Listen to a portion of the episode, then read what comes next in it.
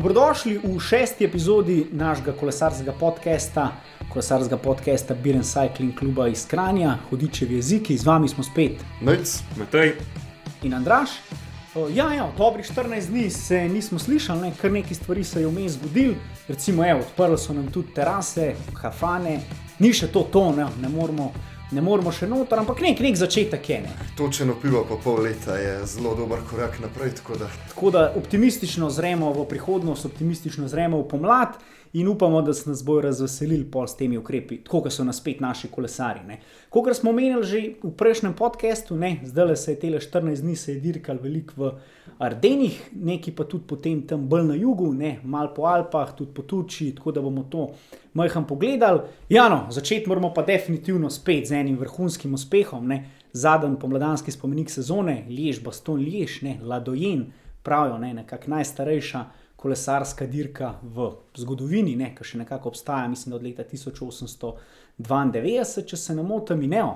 Lani smo tam dosegli prvo slovensko zmago, Primoš Roglič je tam na ciljni črti nekako prehtev Žuljana ali Filipa, letos en dežavu, s tem, da ga je tokrat na ciljni črti prehtev Tadej Pogačar z enim fantastičnim sprintom. Ne. Tako da, bravo, Tadej, tudi za prvo zmago na spomeniku, v bistvu kaj, pa 21 jih ima že Grand Touring spomenik. No. Pred 22. Pred 22. Ja. Glih, danes je bilo tudi v uh, prenosu povedano, da je se pravi, da pred 22, ima pa že 23 zmag v profesionalni karieri. Tako da ne verjamem, da je prav velik takih kolesarjev, ki so tako hitro presegli um, ta menik, da ima več zmag kot je njegova starost. Ja, ko v bistvu že mislim, da med terenom Adriatikom je bil podatek, da, ima, da je s tisto zmago, ki je na klancu gor pred te Rogliča, da ima v bistvu izenačil število zmag z Gerantom Tomasom. Ne? S tem, da Gerant Tomas kolesari profesionalno že kar nekaj desetletij, mislim, da par desetletij dlje kot kar tedaj. Ko ste videli to dirko, kar impresivna predstava uh, Emiratov. Ja, definitivno impresivna predstava Emiratov, tudi odkar so spremenili ta zaključek, dirke Lež, Baston Lež, da ni več, ne odloča več tisti zadnji vzpon do ciljne črte. Je mal bolj odprt zaključek, to smo že lani videli zelo pač veliko kombinacij, konec koncev je lik zaradi tega odprtega zaključka tudi lani Mohorič ujel priključek, pa potem dosegel tisto četrto mesto. Letos pa spet nekako podobno. Ne? Uh, smo imeli spet zelo odprt zaključek, začel se je resno dirkati, recimo resno dirkati nekih 80 km pred ciljem, kaj je stana začela malo stopati na pedala, ampak to še ni bilo prav, prav orang, tisti resen, resen je bil pa na petin, recimo, dobrih 25 km do cilja, na sponu Redut, ko je pa Ineos uh, vse svoje orožje poklical na čelo, ta Georgan Hart je začel delati Darmar po čelu dirke in res dobro že z desetko glavnino. Potem je napadel še Richard Karapas, imeli smo enih 15 km zelo odprtega dirkanja, malo Karapas samo od spredi, od zadaj tudi tedaj Pogačar, ki je malo lovil, pa potem se tista zasledovalna skupina ni našla, neke sloge, pa potem jih je glavnina spet ujela.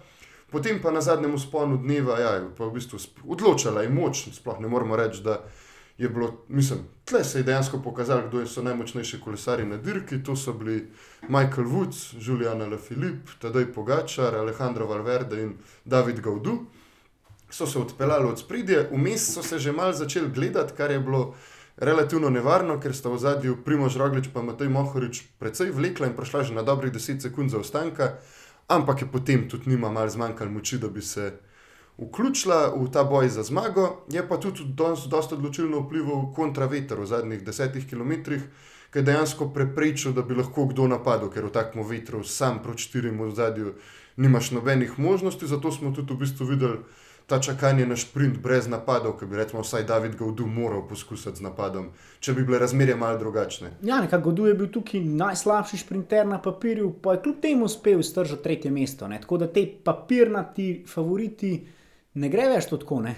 Ja, v bistvu je bilo to tako, tle, se, tle so se v bistvu že pred sprintom, tisti kilometri do cilja, tako pokazali, da je Valverde vstopil v ciljno ravnino na prvem mestu in v bistvu že takrat je bilo relativno jasno, da Valverde tle zmagati ne more, ker je iz Firange učprintati, pa tudi Alejandro Valverde, ne glede na to, kako dobro se pile, žal ne more več. Ne? Smo pa čakali potem do tistih zadnjih 250 metrov. Tam je mogoče bila priložnost, da bi nekdo vsaj 500-600 metrov pred ciljem skočil, pa kaj poskusil, ampak dobro so se kolesari tako odločili. Ja, potem pa Ala Filip je bil v idealnem položaju, na četrti poziciji, za seboj je imel samo še Pogačarja. Ala Filip na papirju velja za boljšega sprinterja od Pogačarja. Svoj sprint je v bistvu upravil z odliko. 200 metrov ali pa 150 pred ciljem je šel iz zavetarja, prišel na prvo pozicijo, ni pa računal s tem, da ima Pogačar tako močne noge, da iz zavetarja dejansko mu prileze mim, tako kot mu je lani Roglič. Tokrat za pol kolesa mu je prilezel Pogačar in tudi videli smo po tem načinu proslavljanja Pogačarja, da tudi sam je bil neverjetno no, presenečen in navdušen na to zmago. Res se je videl, da mu pomeni ogromno, konc koncev, res za tako mladega kolesarja, da si zmagovalec Tura, pa zmagovalec spomenika, zdaj Lež, Baston Lež, to mu je v bistvu uspel. Po Andiju Šleku, po letu 2008. S tem, da je Šlek imel ravno obratno vrsto, Tako, tako, tako. tako. prvi Lež, pa potem Turne. Tako, v bistvu, tedaj, evo, zdaj imaš tisto, kar največ šteje v bistvu v kolesarstvu, so spomeniki, pa tri tedenske dirke.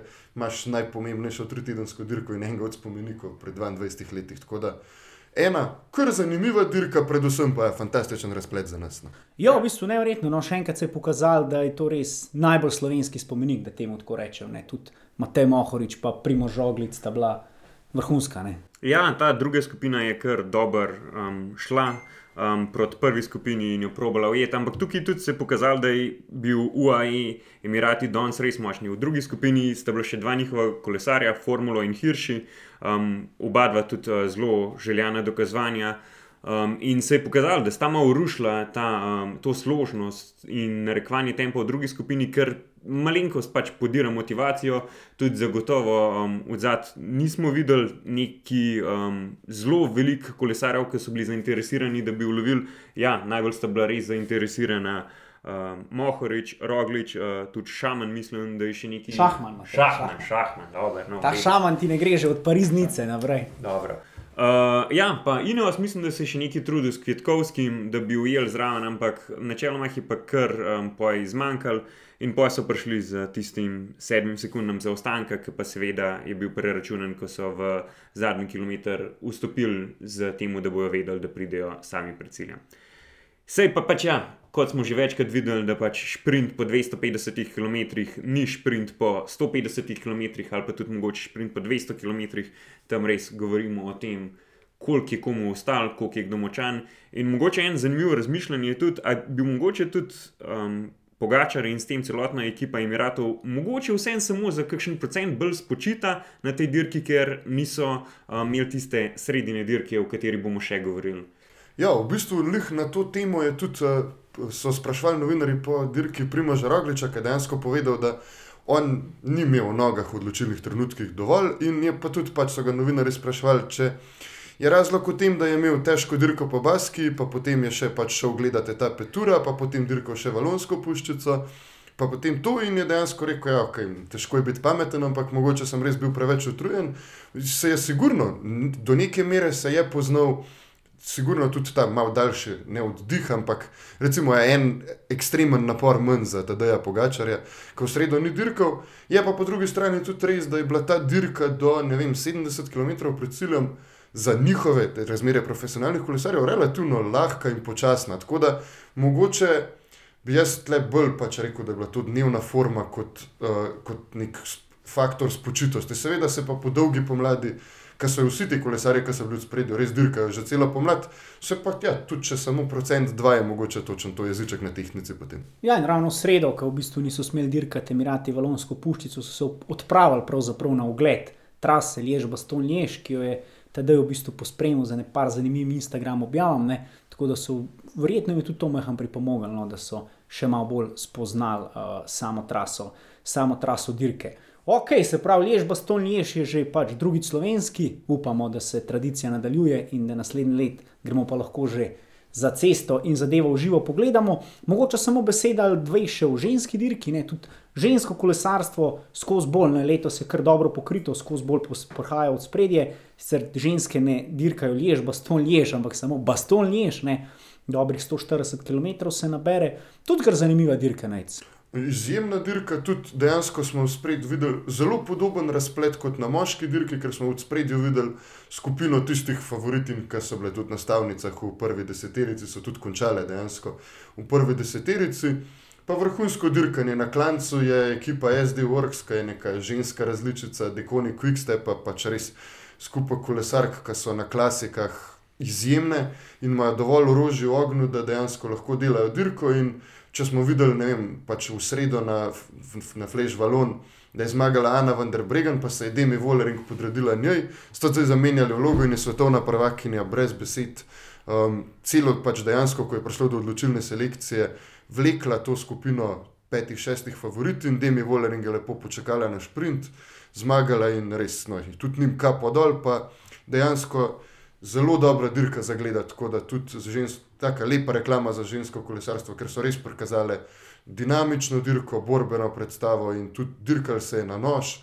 Z zanimivimi taktičnimi opcijami, Marijane Vos je bila v zadju, pa je, mislim, v drugi zasledovalni skupini pa je bilo skozi na teh, ali bo Marijane uspela ujeti ali ne. V glavnem, zelo dobra dirka, tako da no, se res splača. Mogoče bi bilo edino treba malo razmisliti o tem, da se ženske dirke ne umešča glih na isti dan, kot je moška dirka, da s ciljem ob polenih popovdne. Ker je sicer res, da bo prišlo mogoče malo več gledalcev ob cesto, ampak kar se pa tiče televizijskih pravic, kar je dejansko tisto, kar dela pač denar, kar prinaša izpostavljeno sponzorjem za žensko kolesarstvo, bo pa, bi bilo pa sigurno bolj, če bi bila dirka včeraj, kaj bi bilo tudi luknja v koledarju, pa bi lahko ženske odpeljale pač svojo dirko včeraj. Vem, da to so organizacijsko bolj zahtevne zadeve, pa malo več denarja, ampak če bi gledali, kako narediti naslednji korak naprej izpostavljenosti, bi lahko nekaj v stilu svetovnega prvenstva pač dal dan ženskam, poseben dan. Tako kot bo recimo na Parizu Rubeju, ko bodo ženske dirkale dan pred moškimi. Ja, no, se je pa tudi ta izvedba isti dan relativno zanimiva, ne? ker recimo ženska dirka se konča nekje okoli kosila, po kosilu, recimo po kosilu si pržgeš. Eurosport pogleda začetek ženske dirke, pa se na ta način pripraviš tudi na, na moško. Je pa res, ja, da mora biti za ženske to še posebej naporno, ker imajo štarte ob 8, pol 9 zjutraj. Tako tudi cel ritem podredi. Tako si jaz niti ne predstavljam, kako zjutraj to zgleda. Ostaneš na 5, 6, pa potem nek zajtrk, transfer do štarta. Glede, jaz nisem jutrajni človek, tako da bi me kakšen tak štart definitivno. Ja, se tudi njim to dejansko ni. Recimo to, če se sam navežemo zdaj na. Recimo v angliškem nogometu se klubi že nekaj let eh, pritožujejo nad tem sobotnim terminom, ki igrajo po enih popovdne, ravno zaradi tega oni so navajeni že celo kariero pač nekega ritma na dan tekme in to se tega totalno podreče. Pričakuješ, da bo tekmo ob 4, dajo ti pa štart 4 ure prej in za žetlele za ženske je verjetno enako, no pač brutalno zgodna ustajanja. To pomeni še vedno štart dirke. Ja, če je štart dirke vem, ob 9. uri zjutraj, pomeni, da bodo ostale ob 5. zjutraj za vse tisto, kar je treba predtem narediti. Da... Vse, to, vse to sicer drži, ampak uh, kot smo pa že pogruntali, pa večino ženskih dirk, oziroma kar precej ženskih dirk, narejeno tako, da imajo res te zgodne štarte. Tako da jaz tukaj ne vem, nisem tak strokovnjak, da bi vedel povedati, kaj je pa dejansko ta nek ustaljen ritem um, pri ženskih dirkah. Ampak saj za te ardenske klasike smo zdaj videli vsakeč nek ta scenarij, da je se pravi okrog kosila bil že cilj ženske dirke in torej pač ta jutranji štart v zgodnih urah. Tako da ne vem, jaz tukaj nisem dovolj pameten, da bi vedel povedati. Smo pa videli to... dirko po Flandriji, ki je bila pa cilj ženske dirke po moški dirki. Ne? Tako da ja. v bistvu pa spet pa nenavadno pozen cilj. Ja. Tako, je res, seveda, se, je, to je logično in mislim, logično. To pač glede na zanimanje se bodo ženske dirke morale prilagajati moškim, ker pač to narekuje tržni interes. Ampak morda no, cilj ob polenih ni najboljš za njih, sploh za glede na današnjo dirko, ki je bila res dobra, bi se mogoče splačali, da bi bila en dan prej, pa bi lahko dva dni gledali, lež pa ston lež. Ja, poleg, eh, se pravi, lež baston leža je bila letos, v bistvu telih 14 dni, res fokus v Ardenih. Ne? Če se ostavimo še na dveh drugih uh, večjih klasikah, ki so potekali v Ardenu, evo, mogoče naša, moramo reči, skoraj da ne najljubša, če smo že Biren Cycling Club, ne Amstel, Amstel Gold Race, ne? kjer potem na koncu, če smo se mal pošalili za anž na dirki po Flandriji, na koncu dobiš neko, nek pušilc paprike tukaj saj dobiš ne nek zajeten kozarec piva, sicer mislim, da je nažalost brezalkoholen, ampak. Uh, je brezalkoholen na odru, mislim pa, da dobiš saj včasih je bilo, ne vem, če še kolesar. Toliko litrov Amstel piva, kot je težek. Tako no, da, tako da tiste, se, pa mislim, da alkohol. Tako da bi se splačal Amstel Gold Trail zmagati, leto zelo, zelo razburljiv, razburljiv finiš, ki še danes na Twitterju, na socialnih mrežah, buri duhove. Ne? Sicer je zmagal Wout van Aert za koliko, par milimetrov pred Pidokom, kaj se tam dogaja? Ne bi bilo 6 mm, to je bil podatek, ki sem ga jaz zasledil. Um, ja, kot si rekel, Vanert je zmagal pred Pidokom po fotofinišu. Pa dajmo najprej zdaj razčistiti, kaj dejansko fotofiniš je. Um, ker tukaj sem že videl več različnih ugibanj in nekih um, razlag, kaj to je, zakaj je to različno od tiste fotke, ki so jo na Eurošportu pokazali v bistvu s ciljne črte. In fotofiniš v bistvu ni ena slika, temveč gre za kolaž večjih različnih slik. Torej, kamera na cilju v bistvu posname sliko, ki je široka en pixel.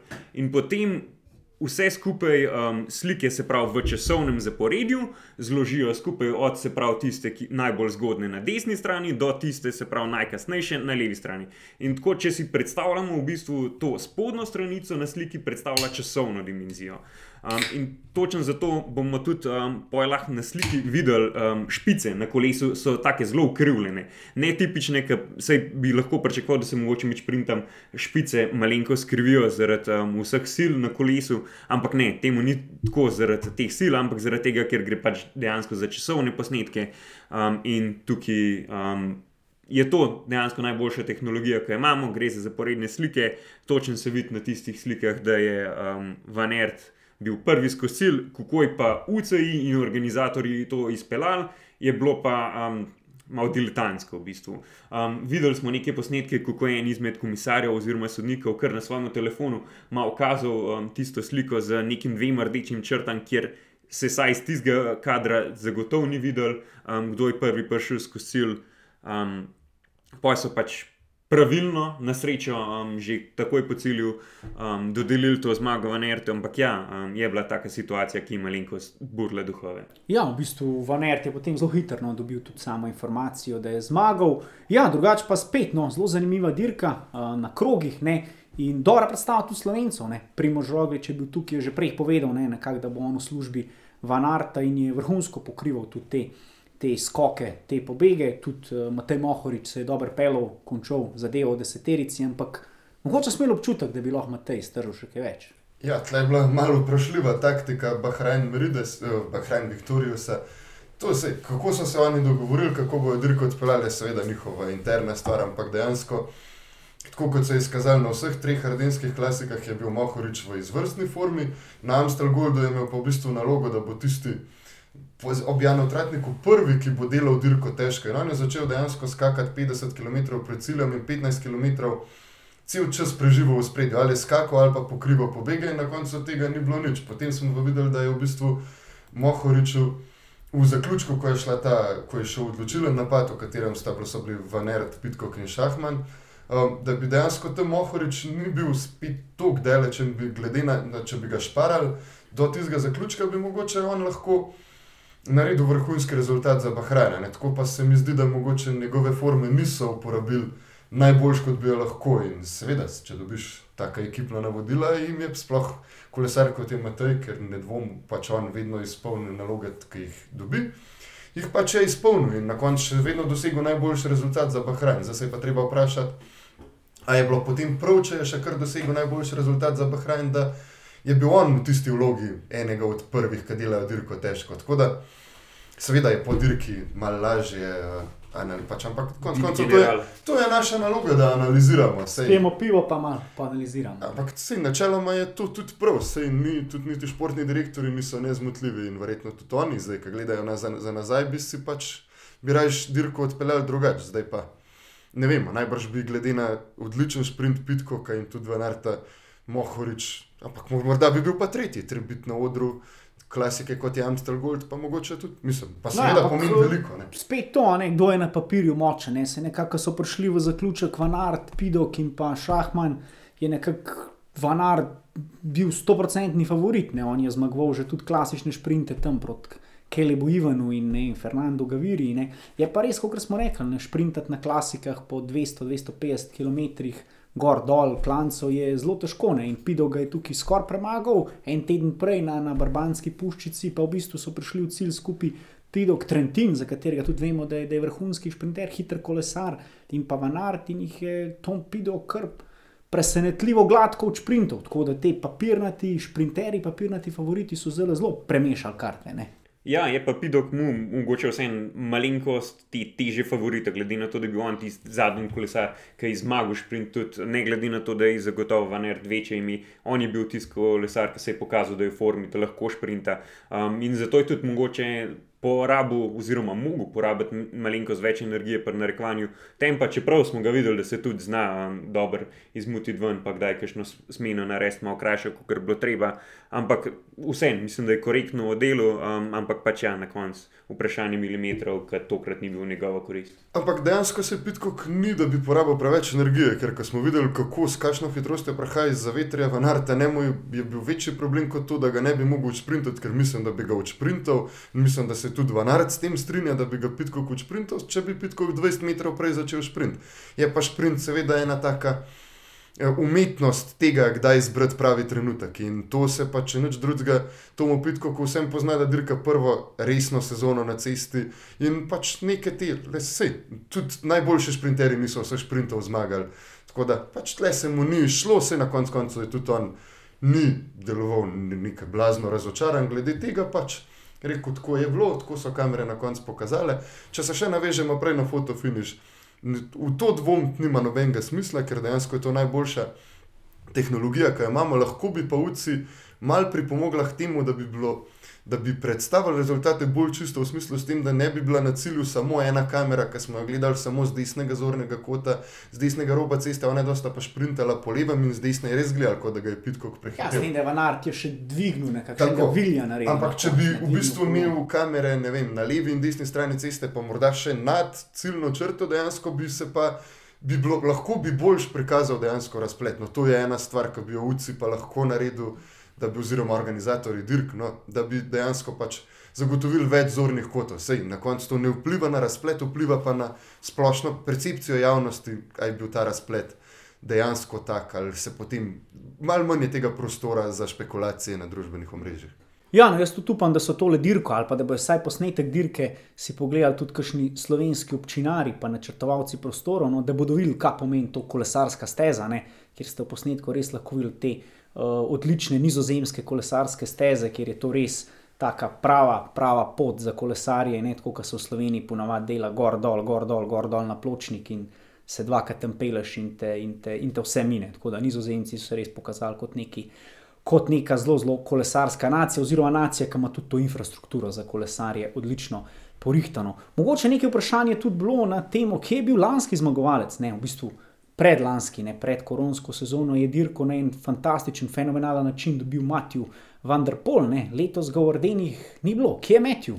Matju je pač po težki pomladi, pa dolgi ciklo kroz sezoni dejansko si vzel.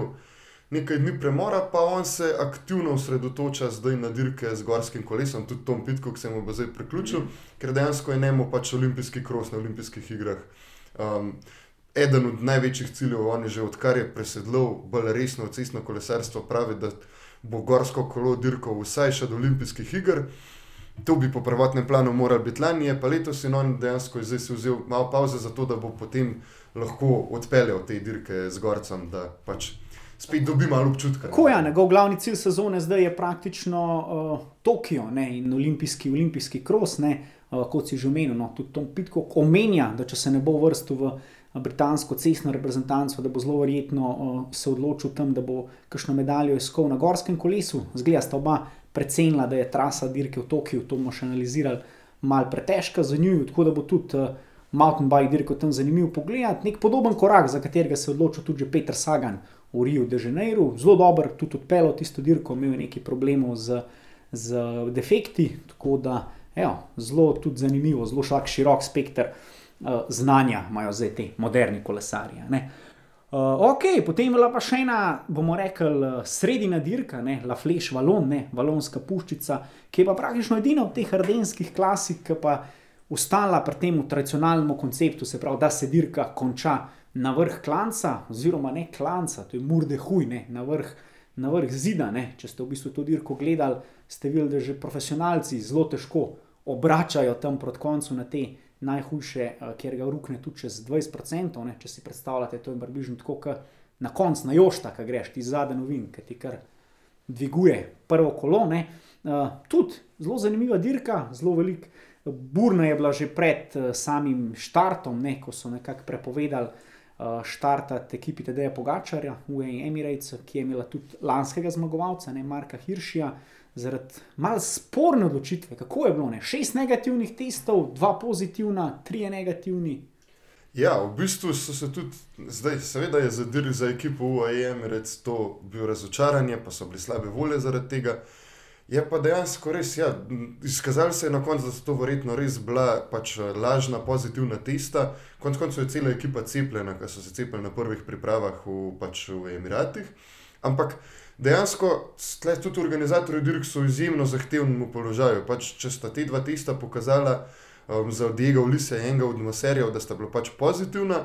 Se tudi oni so se znašli pred v bistvu nemogočo, čeprav so potem ja, imeli še oba, dva, po tri, po tri negativne teste, potem kaj zdaj narediti, ker konec koncev tudi za organizatorje so te koronske časi sploh izjemni. In jaz tle zdaj, ja, razumem slabo voljo, razumem tudi zakaj bi mogoče jim lahko dovolili štartati, po drugi strani smo pa še vsem lahko veseli, da v teh časih gledamo dirke in če pač to cena ki jo morajo kolesarji plačati, da bo včasih kdo tudi nepošteno vstopil pred kakšnega nastopa na dirki, je pa to še vedno bolj, kot da dirk ne bi bilo. No. Tako da, po mojem mnenju, jaz, seveda, ne, neugodna odločitev za njih, ampak po drugi strani pa morda tudi pravilna, ker na, na tle je pa še vedno boljš biti na varni strani kot pustiti na štart nekoga, ki pa se pol izkaže za pozitivnega. Pol, bi, ne, recimo, v najslabšem primeru bi one dva oddala, zdaj še dva negativna PCR cesta, pustijo jim štart, Diego Lisi štart, potem je pa po dirki pozitiven. Kaj boš pa potem s celim pilotom naredil, vsi ne bodo štartali, lež baston leža, mislim to. Tle se potem stvari lahko zelo hitro zapletajo. Tako da meni se je zdela pravilna odločitev, čeprav ja, neugodna za njih. Ja, sigurno, ampak vse smo videli že celo pomlad, v bistvu več teh situacij, ko je pač ekipa mogla zaradi uh, pozitivnega testa ostati. Videli smo to tudi danes, sicer um, pri ženskih dirkah, ko sta dve ekipe ostale brez nastopa, pa smo videli že trek, ki mislim, da tudi um, se pravi moška ekipa treka spustila vsaj dve izmed teh spomladanskih klasik zaradi pozitivnih testov. In, Praktično ja, vsako dirko se skoraj naredi, ne, da je ena ekipa nekje, na več kot polovici dirkno, da je ena ekipa nekje. Ja, ampak štarta, ne. žal je to neka nova realnost, upajmo, da bo čim prej mimo, um, pa je to to. Vse pa mogoče jaz ne tukaj s tabo strinjam, Andraš, da je bila ta valonska puščica res zanimiva dirka. Um, kot se rekel, drug najbolj zanimiv dogodek je bil pred dirko, na to pa pač um, tisti, se pravi, ok, en cilj, uh, en klanc pred ciljem, ko je Tim Valens poskušal z napadom, pa potem tisti uh, cilj uspon, za katerega smo vsi praktično vedeli, da bo odločil. In tudi, če bi dirko gledal samo zadnje tri km, ne bi zamudil nič ključnega za razumevanje. No, jaz se ne bi strinjal s tabo. Meni je bilo zelo zanimivo zgledati, recimo, kako se je Alex House lomil na neutralnem uh, kolesu. Ko je dobil, v bistvu, ko, je res, ko je dobil no, Šimano neutralni kolo, rekel, da je v bistvu prvič v njegovi karieri uh, ki ni tako kratka, da je dirkal na neutralnem kolesu in da se je počutil, kot da bi vzel nek, nek sinov kolo. Ne? Sicer sem mu pa uspel dostaviti uh, tudi uh, njegovega originala Cannondale, ampak že to mi je bilo kar zanimivo pogledati. Je pa v bistvu dejansko res, da je ta dirka, pač vse, na koncu koncev, vse tudi za sprinterske etape, vemo, kako se bodo končale in tudi za to dirko veš, kje se bo odločala, ker mislim, da se je na zadnje z Igorjem Masterlo, to je bilo na začetku tega stoletja, 2-2 ja, ali pa 20 let nazaj. Ja, ja je, je bilo zadnjič, ko je dejansko zmagal nekdo, ne, pač ko ni zmagal kolesar, bi, da bi skupina prišla na Murdehu. Res je pa to se še enkrat pokazalo, da je to v bistvu ena takih specifičnih tirk in zelo specifičen uspon, na katerem dejansko skozi zmagujejo isti kolesari očitno moraš ta uspon. Seveda, predpostavka so, da imaš eh, fizične predispozicije, ki so ti pisane na kožo. Je pa še očitno nekaj v tem, da, da znaš, da ga znaš prebrati, da se znaš prav postaviti. Ker če smo gledali Alejandra Valverdeja, ki je to dirko zmagal petkrat, pa zdaj gledamo Juliana L. Filipa, ki je njegov nek tak naravni naslednik za dominanco, tle pa konec koncev Anna van der Bregen, ki je letos zmagala sedmič zapored na dirki na Valonski puščici. Sigurno niso bili niti Alejandro Valverde v vseh petih zmagah, niti Anna van der Bregen v sedmih najmočnejši kolesar na štartu, ampak očitno je pač to neka dirk, mislim, nek tak tako specifičen ta spon, da ga moraš ne vem, mi tu krvi, ne znam boljš tega definirati. Ja, ja ampak tudi uh, odlična predstava Primoža Rogliča, ne prvič je nekako dirkal to dirko, prvič je nekako uh, pelal tam Murdehu in je naredil, če se mene tiče, če se mene vpraša, vrhunsko, vrhunsko dirko. na koncu, ki je naredil tisto pospeševanje, je v parih, v parih, parih metrih no, naredil res veliko razliko, ki jo je na koncu lahko pokril samo tak pančer, ker je najboljših pančerjev trenutno. Ne. Življenje La Filipa in ga na ciljni črti tudi prehteval, ampak jaz mislim, da si primoš kle, nima kaj učitati, ne, res. Ne, ne, definitivno ne, da bi se imel kaj za učitati. Je pač on je poskusil pač s taktiko, da bo napadel prej kot Le Filip, vedno se je napadal. Če smo gledali, zmagovalci napadajo okrog 200 do 250 metrov pred ciljem, on je poskusil z napadom 400 metrov pred ciljem in zdaj, če bi imel malo močnejše noge, ga tudi Le Filip ne bi več mogel ujeti. Je pa očitno pač Le Filip boljš odmeril um, to, koliko časa dejansko lahko drži te vate, odmeril svoj. Uh, Pa še dejansko je nek, sigurno, mora pripomoriti k temu tudi ta psihološki učinek zajčka pred tabo, da je lažje, kot ti gled, nobenega pred sabo, pa gant na polno gledati rogliča. Pa če ti vidiš, v tem primeru, ala Filip, da, da gonaš, gonaš in ne vem, z vsakim metrom mal bližje roglič, ti to more nekaj dati temu, da še stisneš sebe tistih 10 vatov več, pa te odnese na ciljne črte mimo. Ja, pa izkušnja, seveda. Pač, kot smo že rekli, on je precej večkrat že vozil ta klanc, tudi um, lan po izgubu v bistvu proti Hiršiju, um, ta ciljni šprint, tako da se je verjetno iz tega nekaj naučil. In siguren, če se bo Primo še odločil voziti to dirko, jaz verjamem, da bo še pač krojil razplete dirke. Uh, bo pa pač zmeren težko, dokler boš mu kolesarje, ki so tako eksplozivni in vsem tako dobri na klanc kot Ala Filip ni ga pa nikoli za izključiti. Ja, je bilo pa v bistvu tle že vmes, ta klanc je dejansko tle spet tudi ekipa odigra veliko vlogo, ker je La Filipa je ekipa pripeljala. Cel čas klance je bil Filip točno tam, kjer mora biti, ni bil zaprt, lahko bi pospešil kadarkoli rabo. Rogliče pa vmes nekaj 600-700 metrov pred ciljem bil na desni strani ob ogradi že zelo zaprt.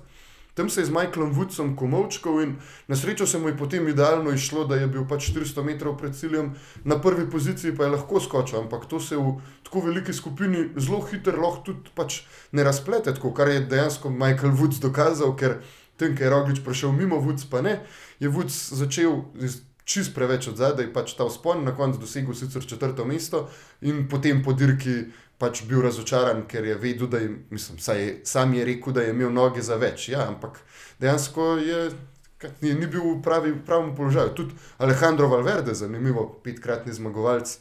41. Ampak je dejansko človek, ki ta klanc pozna najbolje od vseh v pelotonu, je začel.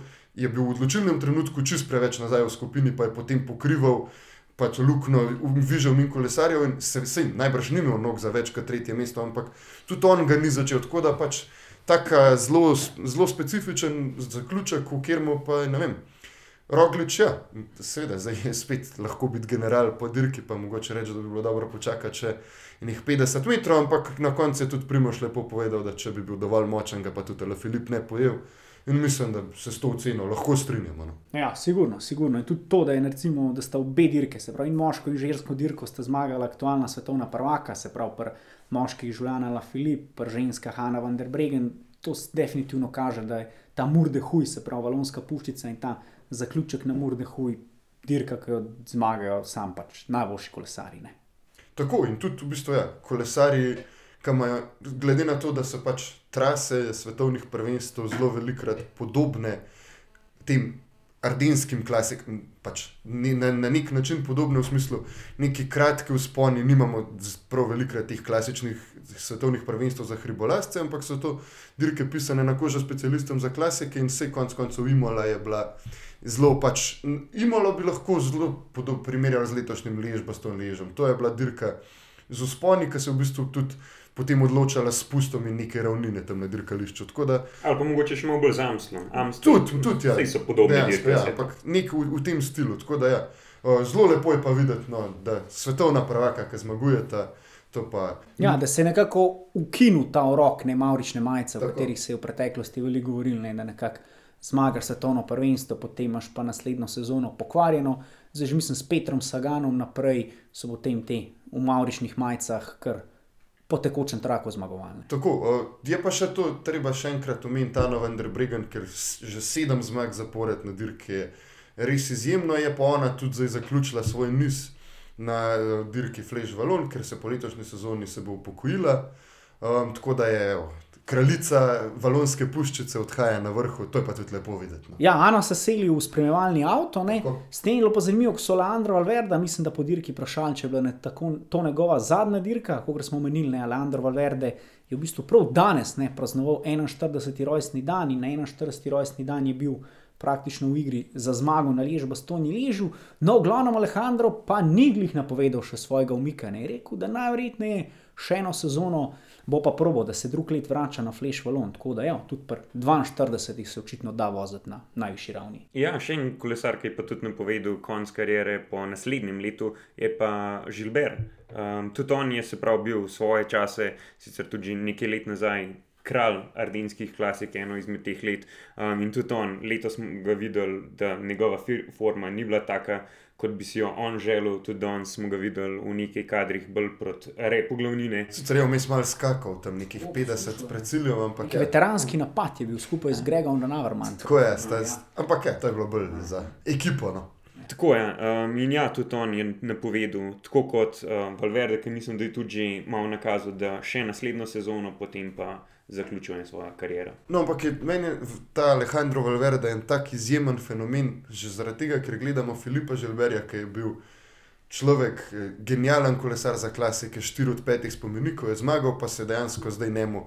Z, z vso smolo, ki je imel letošnji lanski sezoni, ampak dejansko se mu pač leta poznajo. In lih v tem, v- vsi pač nekje, saj po 35 letu, počasi začnejo, pač malo informa začne pojenjati, da pa Alejandro Valverde, pa 41, še vedno konkurira najboljšim, pa res konkurira najboljšim in je tudi še vedno najboljši kolesar Movistara, je res, res fantazija. No. To- Res nevrjetno. To so, to so zgodbe, ki v, ko v kolesarstvu v pelotonu, da se dejansko iz leta v leto mlajša, za veterane nekako ni več prostora, vsi bi si želijo novega TD-ja Pogačarja in če izbirajo med tem, da bodo dali mlademu kolesarju priložnost ali pa ne vem, 32-letniku nova pogodba, bojo večinoma zbrali mladega kolesarja, no Alejandro dokazuje, da tudi pri 40-ih si še vedno lahko na vrhu.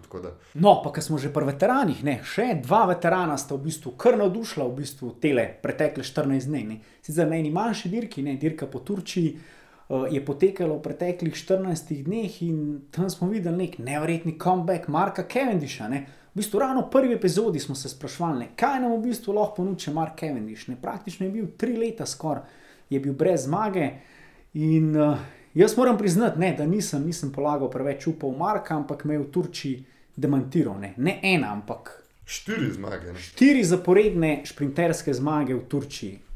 Lahko rečemo, da je bila to C konkurenca, ampak jaz mislim, da je to v, tem, v, tem, v tej zgodbi povsem nepomembno. Dejansko je bilo neverjetno videti kralja šprinta Marka Cavendisha, ki je res v naredu v minulem desetletju. Pač je bil nesporen kralj šprinta, tle. mislim, da tega nihče mu ne more uporekati.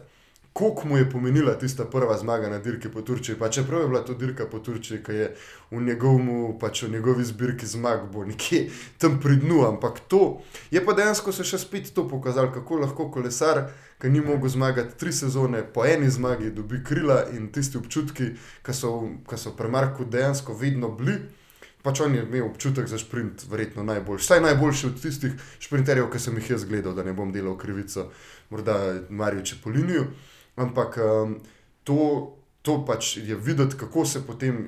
On je sprinter, Jasper Philipsen je bil verjetno na dirki po Turčiji močnejši sprinter, ampak Cavendish je to taktično in na teh krilih euforije delal vrhunsko, v svoje štiri zmage in si tudi spet v hierarhiji dekone Quickstepa. Pač, Upozoril nas in bo verjetno dobil letos še kakšno priložnost, pa jaz tudi mislim, da po teh štirih zmagah bomo letos še kakšno zmago Cavendisha videli. Morda ne na največjih dirkah, ampak bomo pa ja. Ja, sem Mark je že prej kazal neke malo boljše predstave, oziroma precej boljše kot v preteklih letih, ko je na nizu nekih drugih mest, tudi na um, malo boljših dirkah. Mislim, da je bil na Šelde prisotni tudi drugi. Oziroma, Pa ne, na tistem Grand Prixu Jean-Pierre Monser, pa Tako, te, pač malo manjše te- dirke, pa še vsem dobre. dirke. Um, Kaže veliko boljše predstave, kot ne vem, lani v Bahrajnu, Ja. kot smo rekli, no, komaj držal grupo parkrat. Ne.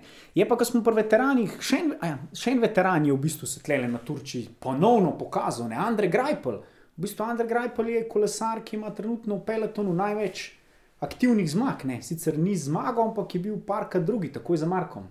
Ja, tudi on je že malo bolj v letih, saj glede na to. letih. Ja. Um, pač, da predvsem pri sprinterjih ponovadi bolj spremljamo te neke mlade kolesarje, ki grejo mogoče kdaj tudi več na glavo v sprint, pa ne razmišljajo, kaj vse gre lahko narobe. Um, tako da, ja, tudi lepo je bilo videti, da je pač on bil zraven v sprintih, da se je pač pokazal ene parkrat, kot smo rekli, pač konkurence mogoče ni bila glih uh, najboljša, ampak ne glede na to, tam so, je bilo tudi spet ogromno mladih kolesarjev, ki so se pač želeli dokazati in še zmeraj, da pride tam en Kevendiš pa in Grajpel, ki smo jih že mislili, da bo to počasi sam še palco doblan, pa pač da ne boste več niti na kolo mogla, pa pojo vsem tam praktično šolata večino teh um, mladih kolesarjev, je kar lepo videti. Ja, že iz fiziološkega vidika je to relativno kar nenavadno, ker pač dejansko, ko se staramo, se ti te eksplozije, pač je ma, ljudje izgubljamo na eksplozivnosti. Ne? In tudi zaradi tega šprinterji večinoma niso konkurenčni v jeseni svoje kariere, ker pač je lažje nekomu, ki je star 22-23 let, poleg prej omenjenega dirkanja na glavo, ampak ja, no, mislim. Res, res lepo videti. No, lepo je bilo videti meni, predvsem, kako enemu kolesarju, kot je Kevin Diš, po vseh teh težavah, koliko mu to pomeni. no. Pa še en lep moment tudi um, v režiji Quickstepa. Quickstepa. Uh, Fabio Jakobsen se je vrnil na dirko, um, se pravi njegova prva dirka po tisti gro, grozni poškodbi na dirki po Polski. Um, bil je sicer bolj v obro, obrobni vlogi, sej um, nismo pričakovali, da bo že na svoji dirki kazal take predstave, kot jih je, ampak uh, je pokazal, da še zmeraj znava za kolo in da je lahko pač um, zelo pomemben del te ekipe. In tudi to je bila ena taka res pozitivna zgodba iz te dirke po Turčiji. Ja, glede na to, da so ne v bistvu napovedovali, da mogoče sploh ne mogel več kolesa. Glede na to, da smo se kar ne dva dni bali, če bo preživel. Ne? V bistvu ja, se je po osmih, devetih mesecih že, že vrnil na, na to najvišjo raven, tako da sigurno odlično in evo, tudi malo motivacije za mene, da me ta roka ne ostava, pa da sem čim prej nazaj na kolesu. No, pa če se zdaj iz Ardenov preselimo malo bolj proti jugu, bili smo, že, bili smo že v Turčiji, v Mediteranu, kjer smo ugotovili, da recimo tem veteranom ta mediteranska klima zelo dobro dene. Uh, Telih 14 dni je bila pa tudi ena zelo relativno zanimiva in pa zelo lepa dirka tudi uh, v naši soseščini, ne, Tour of Alps, se pravi neka dirka, ki poteka praktično po, po, Po Trentu. Po Trentu, ja, po Tirolskem, ne, po Italiji in pa Avstriji, Eh, kot ime že pove, ni glih to dirka za šprinterje, se pravi, imamo ogromno enih klancov, ogromno enih eh, prelazov. Tudi, če ste gledali to dirko, res slikoviti prelazi, teh slikoviti posnetki italijanskih in avstrijskih Alp, ki vsakega rekreativnega kolesarja prime, da bi šel majhen, kar takoj na kolo. Uh, nekako to velja tudi za neko glavno pripravljeno dirko za Giro. Simon Yates je zmagal v Alpah, ga lahko štejemo za glavnega favorita za Giro. Morda ne za glavnega, ker jaz bi šel vsem za glavnega izpostavil Egana Bernala, kljub temu, da ima spet pač težave s hrbtom in zato ni nastopil na tej dirki, čeprav je bil planiran.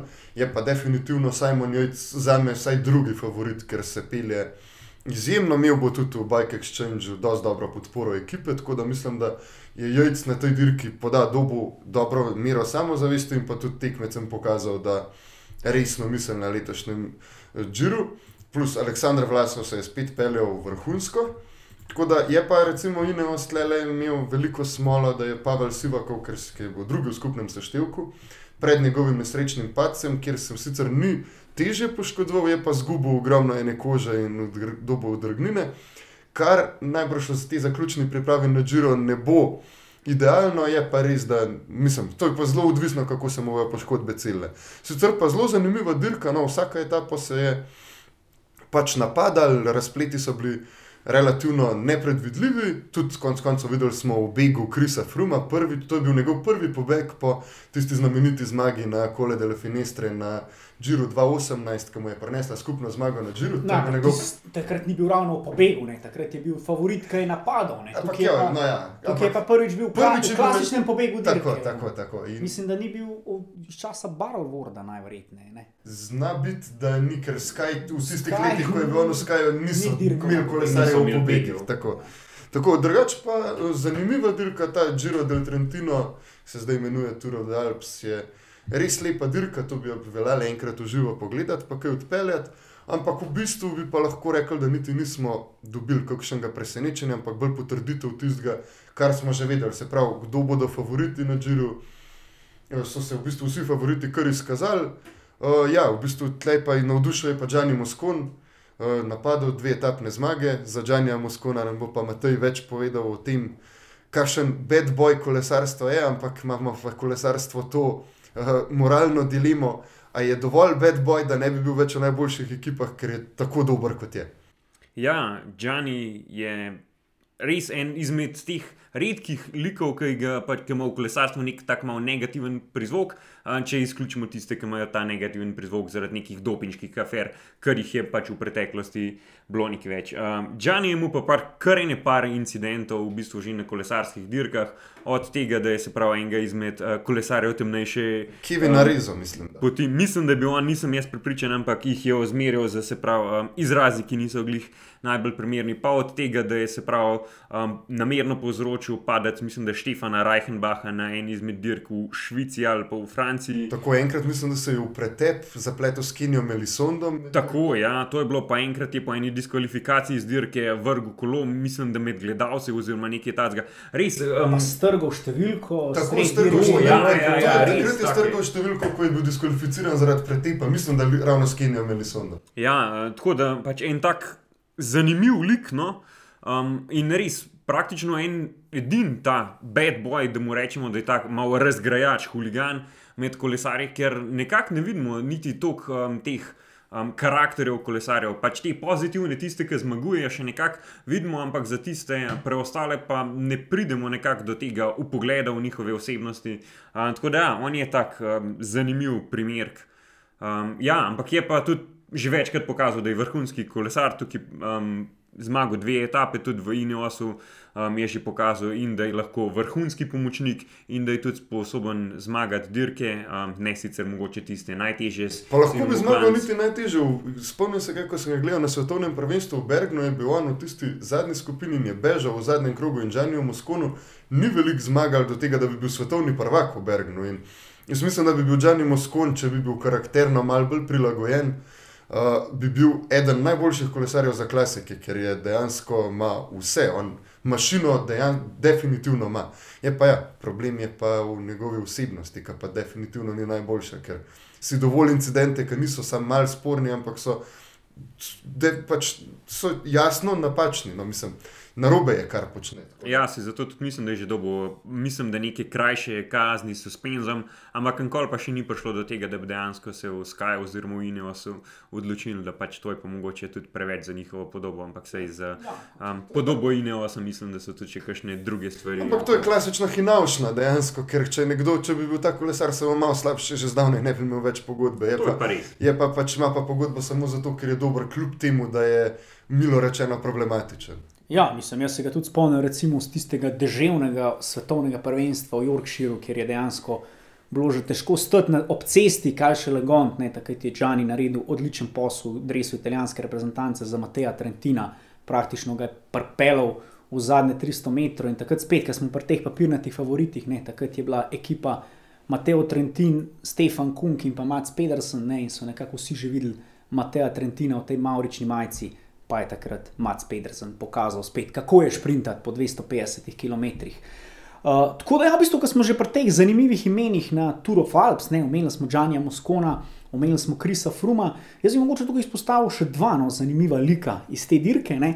En je Tom Palcer, za njega verjetno še niste nikoli slišali.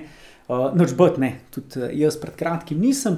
Gre pa za kolesarja, v bistvu, ki je letos, to je bila v bistvu njegova prva dirka, prva njegova protur dirka je pa v bistvu on večkratni uh, svetovni prvak v turnem smutku.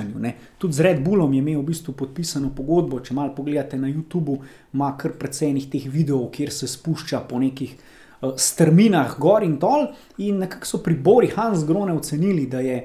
Da je dečko zanimiv, ne? na testiranjih so ocenili, da ima dobre predispozicije in so letos podpisali pogodbo z njimi. Oni v bistvu imajo nekakšen pogoj, da pride šele februarja v ekipo, da nekako zaključi svojo turno smočarsko sezono in Tour of Alps je bila njegova prva dirka. Uh, in nekako dečko ni, ni, ni naredil slabe dirke, ne? nekako je v generalnem uh, naredu 47. mesto, končuje na 47. mestu, kar se mi zdi za enega, prvič dirka, zelo zanimiv rezultat. Res, da to ni več rosno mlad, ne? je letnik 93, ampak se mi zdi, da za njega bomo sigurno, sigurno še slišali. Ne?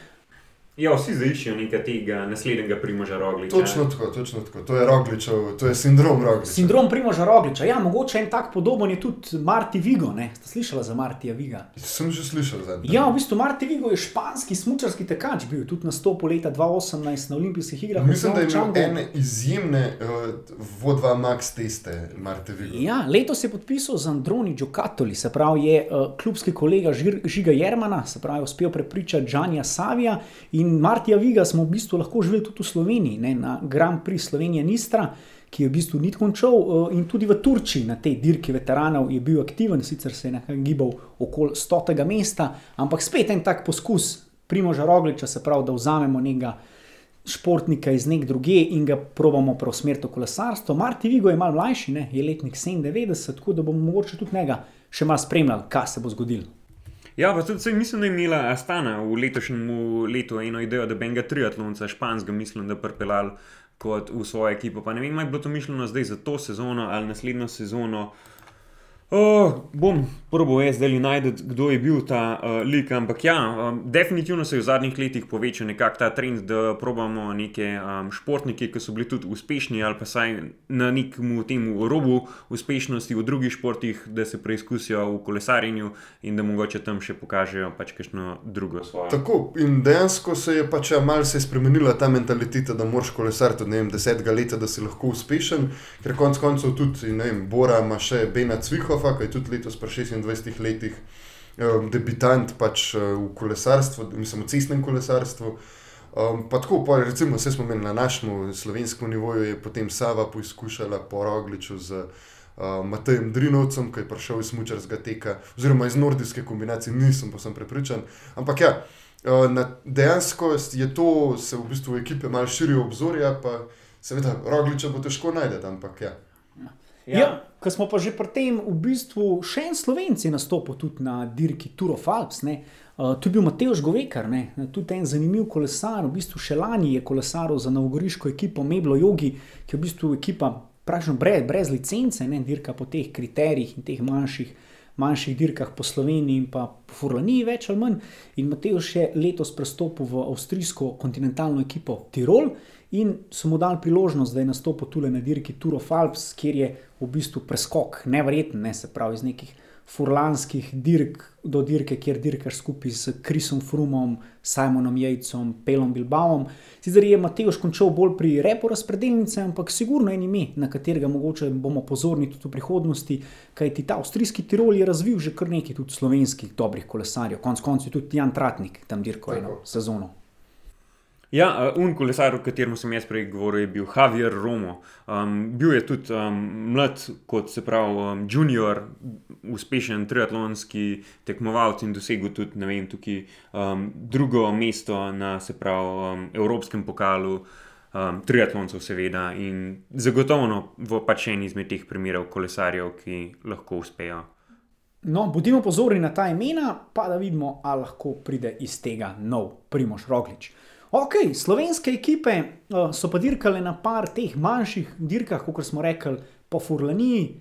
Najc, kakšen je bil tam naš izkupiček? Ja, v bistvu zdaj smo videli, da danes se je končala, snimamo to v nedeljo, dirka Beograd Vanja Luka, štiridnevna etapna dirka, kjer so nastopale vse slovenske ekipe. V bistvu lahko rečemo, no, da je dejansko je bila to do zdaj za slovence izjemno uspešna dirka. Um, ampak uh, letos pa nismo imeli kolesarja, ki bi bil v vrhu, samem vrhu razpredelnice, ker to je dirka, ki jo pač odločajo šprinterji. Za vse štiri etape so se končale z skupinskim sprintom. Mi smo spremljali, se pravi, Davida Pera, do zadnje etape je, bil, je držal mesto v prvi deseterici, na koncu je bil naš najboljši kolesar Žiga Jerman, ki je sicer bil tle v vlogi pomočnika šprinterjem. Andronija pa se jim noben dan sprint nekako ni šel, ker so imeli vedno vsaj po dva v deseterici, pa nikoli nihče ni bil na zmagovalnem modru. Ampak ja, žiga je tudi končal v deseterici v skupnem seštevku dirko, tako da saj kaže, da neka forma je. Kar smo pa še imeli pri slovencih, se pa splača še izpostaviti pač. V zadnjem obdobju zmagal Maxa Cvetičanina na dirki v okolici Buju, v okolici Vidma v Italiji, med mladinci, ker je bila pač ja, zmaga na kar prestižni eh, mladinski dirki v Italiji, za slovenske kolesarje je vedno velik pomen.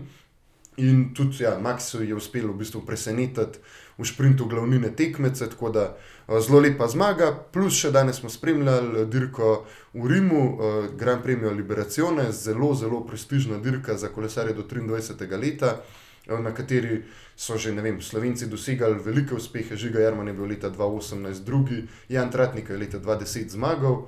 Uh, tokrat je pa že skok iz Ljubljana, Gusto Santik, končal na osmem mestu, tako da uh, tudi no pač v, na taki dirki biti v deseterici, že kaže na nek talent. Tudi že skok je v mladinskih kategorijah prej, uh, kar redno zmagoval, takrat je še na začetku dirko v Dresu Idrije. Uh, tako da je bil, no, je dejansko en fant, ki ima potencial, mogoče ga sicer na najvišjem nivoju zaenkrat še ni toliko pokazal, ampak ja, no, na težki dirki biti v deseterici, to je krožna dirka v Rimu, definitivno lep uspeh. Ja, malo so nas razvadili, zdaj ti naši mladi kolesari, ko spremljamo Tadeja Pogačarja, pa Žigo Jermana, ki so v bistvu naredili nek ta. Lahko rekel, ne naraven preskok, ko bi v bistvu mogli še oba dva dirkati med kategorijo U23, pa v bistvu zdaj že oba dva dirkata na precej višjih nivojih. Pač od tedaj, um, itak, ne, nimamo več zgubljati besed, zmagal že večino stvari, ki bi jih pač profesionalen kolesar želel zmagati. Tudi, um, Jerman pa vseeno v prokontinentalni ekipi, ki je um, sploh za kolesarje njegove starosti vrhunsko. Um, in ja, tukaj vseeno ti naši ostali mlajši kolesari grejo pa nekako bolj postopoma in se hoče dokazati v teh um, dirkah niže kategorije. Še za Biograd, Banja Luka, um, kot si rekel, um, slovenske ekipe, tam sta bile dve. Um, Adrija je dirkala in pa spet smo videli to kombinacijo, se pravi pod slovensko um, reprezentanco, kjer je dirkala združena um, ekipa, uh, se pravi Novogoričanov in Krančanov. Um, ja, um, in sta se pravi v bistvu zaradi spet poškodb in um, različnih pač dejavnikov združili skupaj. Uh, Ljubljana, Gusto Ksaurum, oziroma Ljubljana, Gusto Santik, um, pa na tej dirki mislim, da ni bilo um, ker so pač nastopali po ostalih dirkah uh, v Italiji in se bolj pač osredotočajo na te uh, U23. Ja, v bistvu Krančani in Novogoričani morajo nastopati tudi so reprezentance, ker nimajo licence in je bila to dirka prve kategorije, ki pač. Omogoča organizatorju, da povabi nekaj reprezentanc, ne smeš pa brez licence nastopati. Ja, čeprav Matjaž Zevnik je v zadnjem intervjuju v biciklu menil, da bo mogoče kolesarski klub Kran oziroma Sava, kot jo še zmeraj radi imenujemo, nekako razmišljajo tudi v kontinentalni licenci za prihodne leto. Tako da jaz upam, da bodo šli v to smer. Ne, ker, ja, tle, to so tle težave samo v denarju, ne, ker kontinentalna licenca je vsaj nekaj let nazaj, ta trenutek, ne vem, koliko stala, okrog 10 tisoč evrov, kar je pa že za, samo zato, da dobiš licenco, ne, kar je pa za proračun Save že ogromen zalogaj. Plus, dejansko, če ti hočeš dirkati na kontinentalnih dirkah, moraš imeti zasedbo, ki je temu primerne. Ne? In dejansko moraš imeti tudi dovolj veliko število kolesarjev, da, ti, da dejansko lahko sestaviš ekipo. In to ne moreš imeti v članski ekipi devet kolesarjev, če želiš pač. Nastopati na dirkah, ker potem pridejo poškodbe, in potem te ni. No, no, ampak, če pogledamo nekaj let nazaj, v bistvu je Slovenija imela štiri, oziroma celo pet kon kontinentalnih ekip. Ne. In to Zdaj, na visokem nivoju kontinentalnih. Na predvsej, na predvsej. Perutnina Ptuj je bila v tistih zlatih letih klub, ki je bil organiziran tako na ravni prokontinentalnih ekip. Ja, no, zdaj pa če pogledamo, da smo nekako v zlatih časih slovenskega kolesarstva, v, po uspehih gledano, ne, imamo pa komaj naberemo za dve kontinentalni ekipi. Tako da jaz upam, da bomo šli nazaj v to smer proti. Mislim, da bomo mogli v kakšnem naslednjih epizodah malo resno pogledati eh, na stanje v, slovenski, v slovenskem kolesarstvu. Pa. Tako, tako. Mogoče kakšnega gosta povabimo, da nam malo več pove.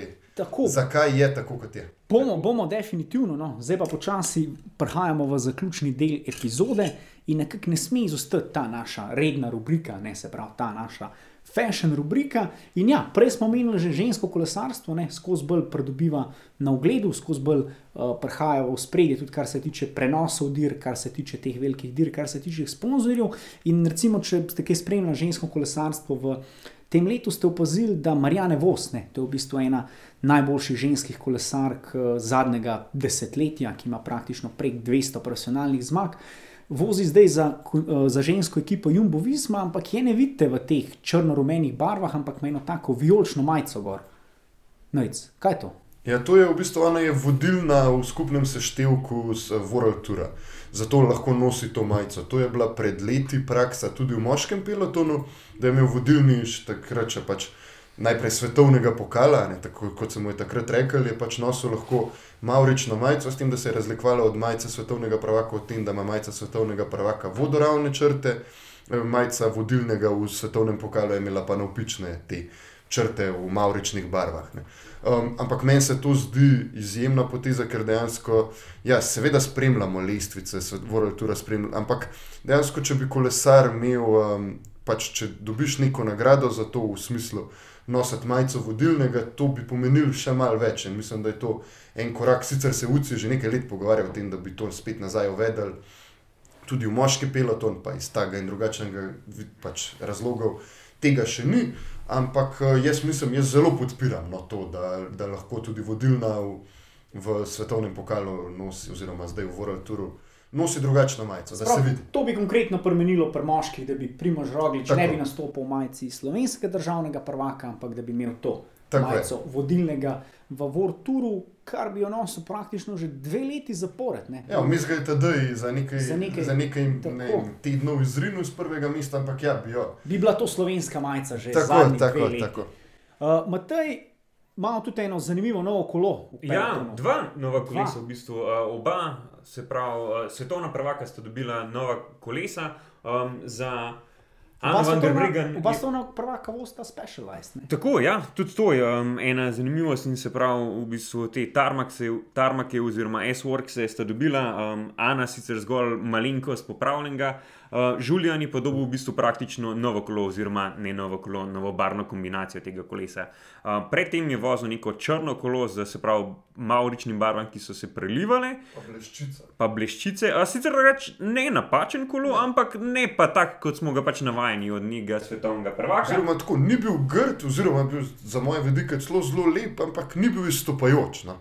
Tako, pač bil je še en izmed teh temnih koles, um, ki jih je v peletonu kar precej. Uh, tako da, ja, zdaj sta pa oba dva dobila nek ta bolj um, standarden bel kolo, z se pravi tem mauričnim barvam, z samo se pravi enemu pasom Maurice, um, ki jih boste zdaj se pravi vsaj do konca sezone vozila. Pri tem črnem kolesu, ki ga je pa pač um, prej vozil Julian ali Filip, je bila pa še ena v bistvu zanimivost in to, da tam barve Maurice niso bile v enakem zaporedju kot na drevesu svetovnega prvaka. Tukaj je pa pač en tak, mogoče malo neumen razlog, ampak UCI ne dovolj, da bi se prav komercialno prodajal kolesa, kjer imajo gor se prav. Um, Te maurične barve v enakem zaporedju. Kar je totalna bedarija, glede na to, da prodajajo majice svetovnega pravaka v Dekatlu. Ja, ampak se dobro, to je tudi letošnja nova noviteta, tisti pa verjetno še zastarel pravil. In um, Specialized je takrat naredil, mislim, da 200 unikatnih primerkov tega kolesa, kot ga je letos, se pravi, do um, današnjega dne, oziroma ne vem, že mogoče v tem tednu vozil, kaj je tako kolo.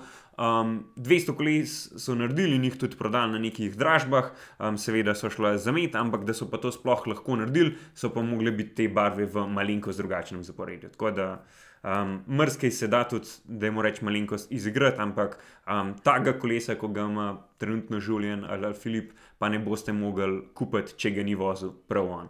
No, v bistvu jaz teh barv nisem prej opazil, kot vidite, Matej. V prejšnji epizodi se je izkazal s poznavanjem Gučija, zdaj se je spoznal s poznavanjem zaporedja barv, tako da nevrjetno, nevrjetno, naš fashion expert. Ne. Ok, pa če pogledamo samo uh, v prihodnost, ne, kaj nas čaka zdaj v naslednjih 10 do 14 dneh, imamo eno zelo zanimivo švicarsko dirko, ne, dirka po Romandiji, kjer smo tudi v preteklosti Slovenci imeli že kar nekaj uspehov. Ne, imamo tri zmage v skupnem seštevku. Ne, zadnji dve izvedbi je praktično dobil Primož Roglič, Simon Špilak je dobil dirko leta 2010. Uh, eh, kaj nas čaka letos? Jan Tratnik ne bi od naših nastopil na tej dirki. Tako je, Jan je edini na štartni listi med slovenci. Uh, zdaj, dirka po Romandiji, te kronometri, mislim, da je tudi Jan Tratnik takrat že zmagal. Um, pač to je bila njegova prva, prva zmaga v svetovni seriji. Ja. Je bila zmaga na prologu na dirki po Romandiji. Tako da mislim, da tudi letos glede na to, da kaže kar dobro formo, bi se lahko spet umešal, saj ne vem, v boj za deseterico, v vožnji na čas, drugače pa dirka po Romandiji specifična po tem, da je kar precejkrat slabo vreme in pa to so dolgi položni klanci. Ja, za Jana boste tukaj predvsem ta prva in peta etapa. Spomnim se, da takrat smo v bistvu na prologu dosegli dvojno zmago, ko je se pravi Jan Tratnik um, za, mislim, da manj kot sekundo ugnal Primoža Rogliča. Tako da tudi letos pričakujemo na prologu neko dobro uvrstitev in pa poj tudi peto etapo na individualnem kronometru, ki bo 16 km. Vmes pa pač tudi jaz verjamem, da bo Jan iskal nekaj priložnosti za pobege. Um, pričakujemo pa mogoče še en sprint več, glede na to, da bo na dirki tudi Petr Sagan, ki je pokazal zdaj neke uh, boljše zametke, formi spet. Uh, ja, prej smo omenili um, Simona Špilaka, on je en v bistvu teh redkih kolesarjev, oziroma saj redkih slovenskih kolesarjev, ki je v bistvu dobil to zmago za zeleno mizo, takrat po diskvalifikaciji Alejandra Valverda. Ja, je pa Simonu vedno odgovarjala nekakšna ta dirka, nekako on je bil zmer kolesar, ker je kolesar v mrazu, v dežju in tega v Švici. Eh, konec aprila, začetek maja, uh, sigurno, sigurno ne manjka. Ja, letos pa pač ne bo Primoža Rogliča na dirki, ki smo menili, zadnje dve izbedbi je kar sovereno dobil. Ne. Primož se je odločil za eno zanimivo potezo, v bistvu je bil današnji Lež, Baston Lež, njegova zadnja dirka pred uh, Tour de France.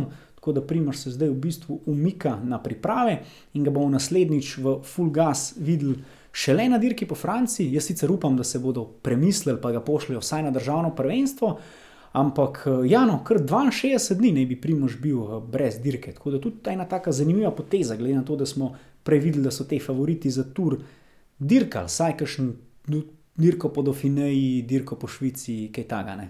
Ja, v bistvu je mogoče to tudi razlog v tem, da so letos še olimpijske igre po turu. In da dejansko, če bi ti 14 dni pred turom hotel biti že približno dober na Dauphineju, pa če bi bil še dober na olimpijskih igrah, bi to pomenil dva meseca top forme, kar je pa izjemno težko za zadržati. Tako da ja, mislim, no, da se tudi plus, ne, seveda, da je Primož se letos podaljšal to pomlad še z ardenskimi klasikami in da dejansko, če želi ta svoj. Eh, najprej malo premora, pa potem dolge višinske priprave, ki mu ustrezajo, mu nekako zmanjka tega prostora za še neko etapno dirko, kot je dirka po Dofinaji. Ja, jaz mislim, da primaš vse en že tudi um, tok sezon odvozil, da ve približno kam ustreza in da mislim, da um, ve, kaj počne, predvsej bolj kot mi tukaj na Piru. Uh, tako da jaz verjamem, da se je prav odločil. Imamo pa na drugi strani tudi še nekaj, kar je pa še uh, v tem tudi mogoče. Kakšen kanček tega, da je lani bil v izjemni formi, pa si potem skoraj uničil tur, spacem na dirki po Dauphineji, da če primož ve, da ne rab za piljenje forme dejansko dirke, je sigurno bolj varno pač eh, ne iti na dirko, ker pač zmaga na dirki po v primerjavi s, temi, s tem, da lahko zmagaš, oziroma si ogroziš zmago na turu, je povsem nepomembna, saj pač za njim. Tako da, če misli, če primož ve, da ne rab uh, dirke za to, da pač potrdi, oziroma stopnjuje tekmovalno formo, potem je morda ja, ta uh, princip z dolgimi višinskimi pripravami boljši. Ja, to je vse res. Pač primož je praktično zmagal že v skoraj vse, kar si je želel, razen dirke po Franciji, ki mu ustaja nek ta um, cilj, ki se mu vse čas malenkost izogiba. Um, in verjamem, da bo pač zdaj vse podredil temu. Uh, imamo pa na drugi strani tudi Pogačarja, tudi on prav velik dirkov več ne bo. E, tukaj sicer gledam na strani, da je v njegovem programu še zmeraj kriterijum Dufini. Um, nekaj se je govoril tudi malo na potih, neč uradnega, da bi morda prišel na dirko po Sloveniji, ampak to so vse um, bolj govorice. Bo pa nastopil na kriteriju TDA Pogačarja. Um, to je pa glede na to, da nos njegovo ime se že skoraj spodob. Um, ja, in ko mi čakamo že to dirko, želanje je bila zelo, zelo dobra zasedba na tej dirki.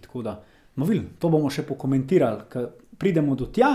Uh, kar se pa tiče, ja, dirka po Romandiji, smo rekli, se začne v bistvu 27. aprila, čaka nas potem pet oziroma šest etap po tej uh, švicarski pokrajini. Eh, drugače pa je ja, v naslednjih 14 dneh ne bo tako aktivno kolesarskih, kot so bile te 14 dni, smo res imeli dirke praktično na dnevni bazi. Eh, v bistvu še dve taki dirki. No, ena je v bistvu zanimiva, je dirka po Ruandi, Tour of Ruanda.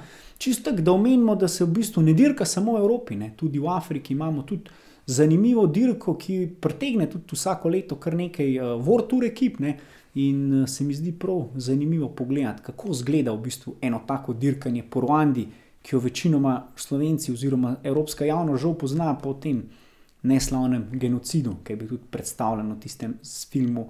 uh, hotel Ruanda, uh, imamo pa tudi potem. Uh, Praktično 5. maja ne, se pa potem začne Vuelta al, al, Alagaure, sicer je na manjši Algarve. Manjša, to je res čudovita portugalska dirka. Ja, manjša portugalska dirka, ki je pa zanimiva z vidika, da je tam v bistvu prvič v tej World Tour konkurenci zablestev, tedaj Pogačar.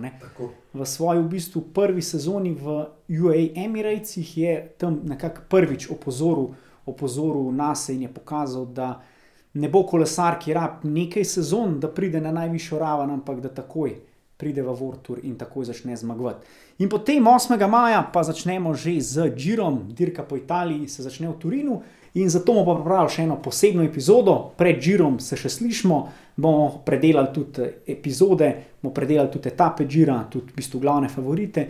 Upamo, da bo pa takrat tudi malo bolj znana že tudi sama korona situacija in da bomo videli, ali bomo lahko favorite pozdravili tudi ob cesti na Zankolan v Goriških brdih, ali bomo letos še pred spremniki. Seveda vsi upamo, da bomo vsaj v Goriških brdih uživali. Tako je, ja, v bistvu res. Zdaj se nam je nekakšna sezona klasik zaključila, mogoče čas, da tudi malo si vsi skupaj oddahnemo in kolesarji, pa tudi mi, ki aktivno spremljamo kolesarstvo. Pa pa ja, se bo treba pripraviti na Džiro in pred Džirom se slišmo. Ja, na zdravje. Na zdravje. Na zdravje.